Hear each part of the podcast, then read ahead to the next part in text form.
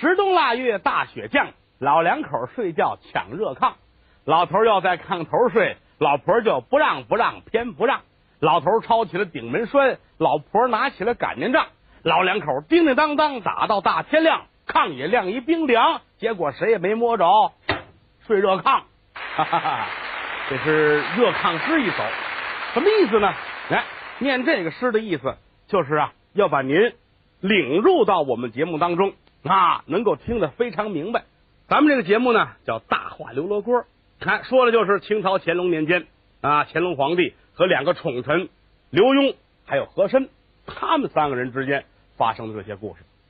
平心而论呐，乾隆皇帝啊有些个偏疼和珅，可能第一啊觉得这个和珅呐，呃，跟他都是满人；第二来说呢，天下爹娘啊，他都是爱丑的。那，家里四个孩子，最小的这个可能长得不好看，完事也调皮。哎，这老家就喜欢他，哪怕他不对，也得偏袒他。哎，这天散朝之后，在天殿，皇上居中而坐，这边是刘墉，这边是和珅，君臣三个人呢要聊会儿天儿。皇上说：“何爱卿啊，奴才在。怎么说奴才呀？过去来说啊，满官称奴才，汉官。”称臣啊，所以他得说奴才。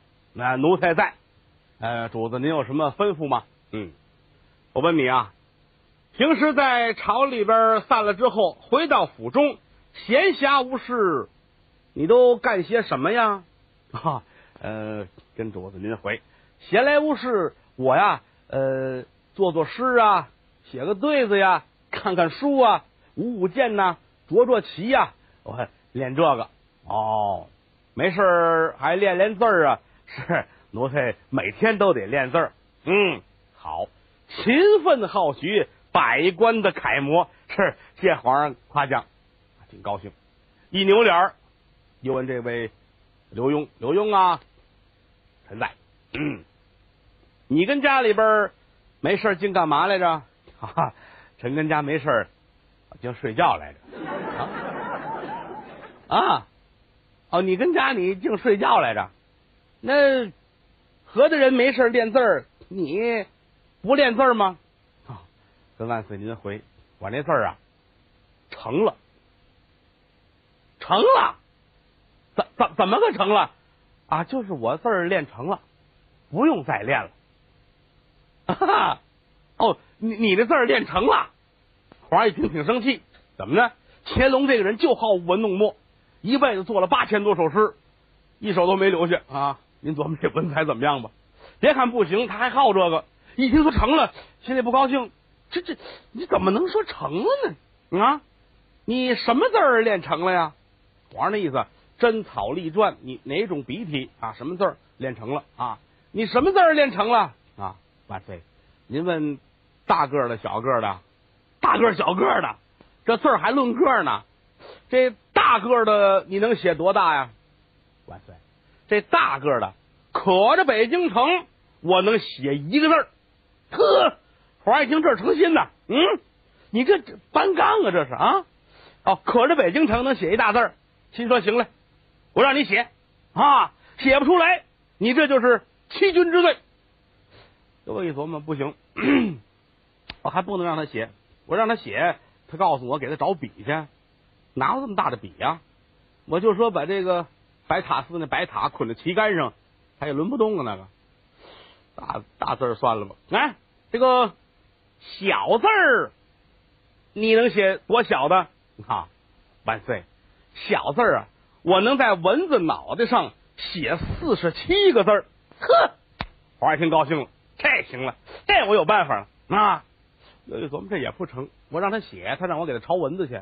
也不像话，嗯，这个这样吧，你呀也甭写大的，也甭写小的。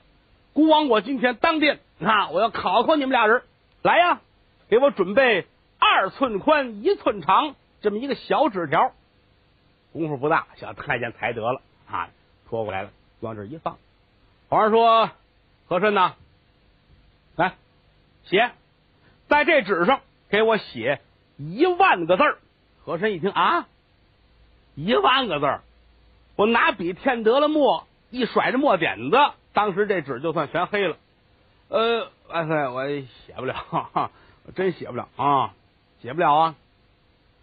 刘墉，你能写吗？万岁，我能写。啊哈，好，呃，写，写给朕看一看。是，呃，和珅呐，给他研墨。和珅发坏，把墨研浓了之后，拿过一支三号笔来，特别大啊，跟这里边一站，站饱了之后，笔头涨三倍，而且翻着腕子就递过来了。心说甭写，你接过来，滴在纸上，一个指点，这纸全完。没想到刘墉明白。你翻着腕子递我，我也翻着腕子接，接过来顺势一甩，把这墨全甩了。哈，笔尖上这墨也足够用的。拿起纸条来，刷刷点点就写，写一万个，一万个是瞎说，谁也写不了。哈，写了《三字经》上的这么几句话：一而十，十而百，百而千，千而万。写得了，往上一递，万岁，您看看这个。皇上接过来一瞧，呵呵，哦，这这这就算的这个，我可又一琢磨呀，有理啊，说的对，一而十，十而百，百而千，千而万，这可了不得啊！说明什么呢？说明这人聪明。嗨，皇上一跺脚，我说何爱卿啊，这个你写得了吗？和珅接过来一瞧啊，眼泪都快下来。早说这个我也行啊，这个废话，刚才你干嘛去了？皇上坐在这直生闷气。哎呀，没想到今天我想让和珅露脸没露了，又让人家刘墉啊给抢了先了。嗯，一别扭不要紧，和珅呐脑瓜一转，悄悄的把嘴递过来了。万岁，您不是说刘墉的字儿难求吗？今天我有一主意，什么主意啊？圆明园里边不是还短这么一块匾吗？您呐，让他写这匾。他要是不写，您呐，让老太后降旨，他是绝不敢不写。怎么样？嗯，哎，这倒是个办法。我说，刘爱卿啊，刘爱卿还抱着弦呢啊啊！刘爱卿，臣在，随寡人圆明园。一览，这意思就是，你跟我啊，咱们上圆明园玩去！君臣三个人来在了圆明园。圆明园要说起来是一个了不起的建筑，历时一百五十多年才修建，跨三个朝啊！而且来说，这里边啊，还不光是中式建筑，还有很多西式建筑。有道是“移天塑地在君怀”，说的就是圆明园啊。圆明园是统称，它也包括圆明啊、长春呐。啊，什么永春呐？这几个园都搁在一块儿。君臣几个人来在了圆明园，走到哪儿了？这个地儿叫方湖圣地。瞧见旁边啊，有一块石碑，上面写着两个字重二”。什么叫重二啊？就是虫子的虫，底下就是一二三四的二，写这么俩字啊，叫重二”。皇上走到这没明白，嗯。重二，重二是什么意思呀？嗯，何爱卿，万岁！这个重二是什么意思呢？啊，是呃，我琢磨琢磨，重二，重二就是俩虫子，俩虫子。哦，万岁，这是一个蛐蛐啊，一个油葫芦。呸，胡说八道啊！不是，您别着急，那那俩蝴蝶，俩你胡说八道来了啊！怎么回事呢？叫什么呢？往前就溜达着来，走来走去，走了得有这么十来步远。皇上明白了，哦，知道了。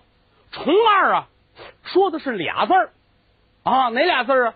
虫说的是风，咱们反写的这个风啊，哎，外边有这么一个框子，里边是一个虫字二呢，说的是月，月亮的月，也是外边一框子，里边两横。这念月，写重二的意思什么意思？这叫做风月无边啊！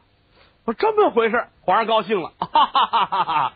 真明白了，这说的是风月无边呐。刘墉，你想出来了吗？你们说这是皇上吗？这我替皇上琢磨琢磨，把这心态发挥的淋漓尽致一点。啊，刘墉乐了，万岁呀，臣呐早就知道这是风月无边。皇上乐了，嗯嗯，胡说，你早知道，早知道你没说啊？你跟我学的，你这是，你这叫跟人学变老毛是吧？你们说皇上就这，皇上的意思就是，哎，我说完了你才说，你干嘛不在我之前说呢？刘墉乐了，万岁呀，石方才在石碑后面，微臣我拿笔。已经写出来了。嗯，皇上一琢磨，刚才我倒瞧见他跟这石碑旁边掏笔在写东西，我可没留神，没注意啊。和珅，你瞧见了吗？没瞧见啊？没瞧见，没瞧见不要紧，咱们过去看看吧。几个人呼噜呼噜呼噜又回来了，来到石碑后边一瞧，上面写四个大字啊，“严禁吐痰”啊，不是的，这不是，这是后来的呀。这个当时写的是“风月无边”。皇上一瞧这个，哎呦，呵，看起来刘罗锅比我这智慧可是强十了步。要不怎么民间都说乾隆爷脑子慢啊，比这个刘墉啊慢十步，就从这儿得来的。皇上一，这这这挺别扭，这事闹的啊！哎呀，看起来朕不如刘墉啊，这话不能说。往前走吧，往前溜达来溜达去，溜达来溜达去。猛然间，皇上一低头。地上长了一种青草，我说刘爱卿啊，这个草叫什么草啊？都说你广揽多读，这叫什么呀？哦，万岁，这草啊叫蒿草，叫蒿草。对，它有什么用处啊？嗯，清明之前，这个草叫阴沉，拿它能泡药酒，去风寒。清明之后泡不了药酒，就叫蒿草。哦，皇上点点头，说的是呢，这是皇上吗？这不是皇上，还会说日本话。反正意思是，哦，我明白了。旁边和珅不干了，怎么呢？打这一天呢，没有一件露脸的事儿。皇上看到拿白眼珠瞪着。哎，那个万岁呀，他打算鼓点棒槌。我跟您说啊，他这是诚心骗你。同样一个东西，你说他能有两样名字吗？啊，皇上一听有理呀，刘爱卿，同样一个东西怎么能有两种名字呢？万岁，这个很正常啊。呃，我跟您这么讲，比如说咱们吃的这个竹笋，在刚长成的时候叫竹笋，长大了就叫竹子了。您说是不是？哎，有道理。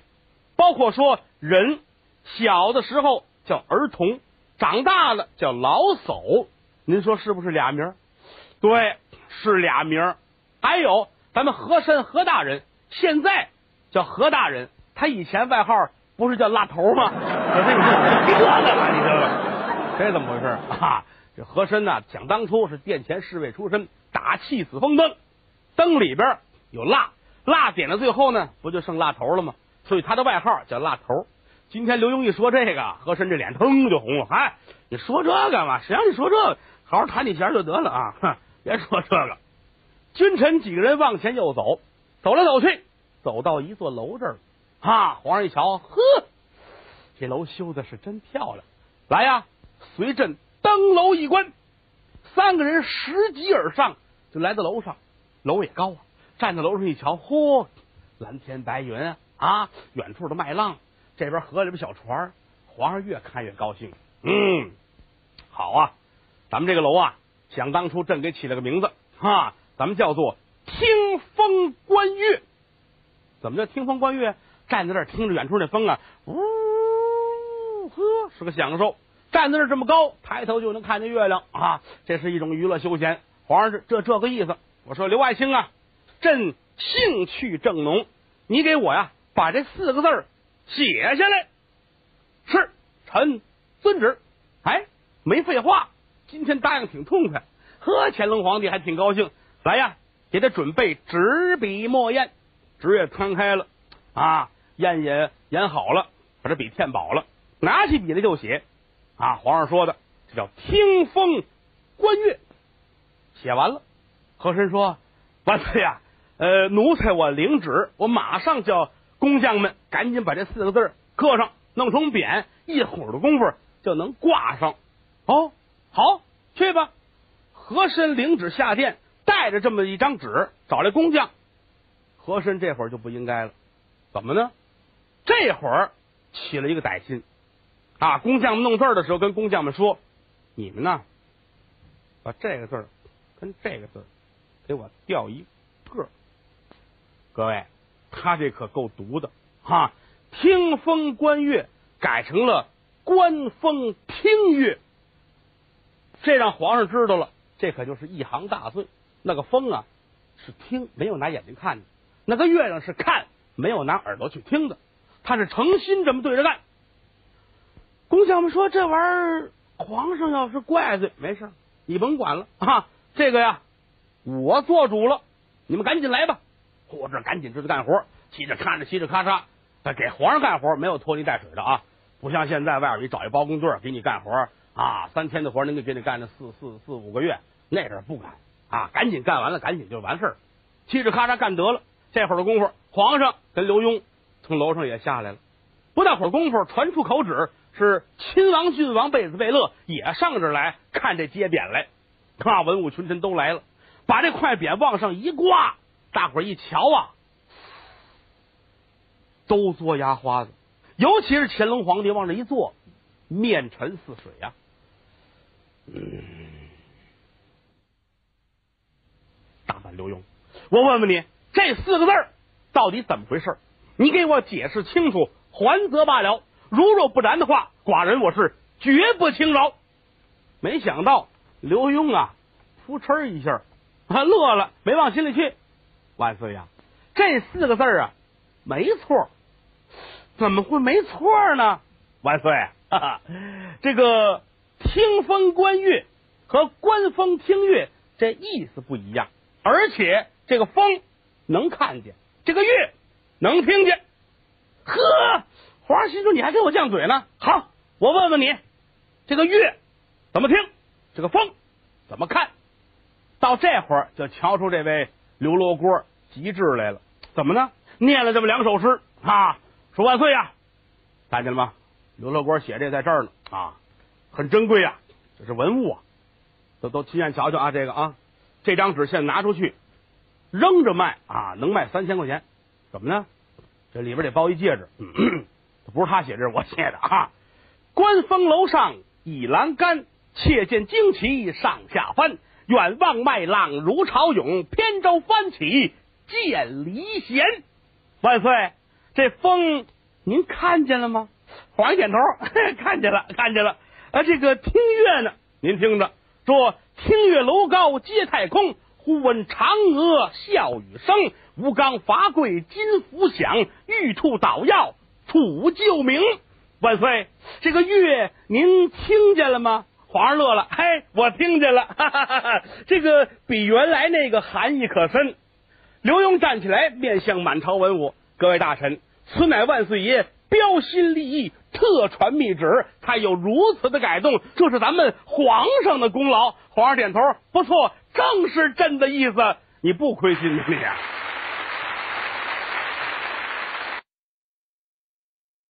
感谢您的收听，去运用商店下载 Patreon 运用城市，在首页搜索海量有声书，或点击下方链接听更多小说等内容。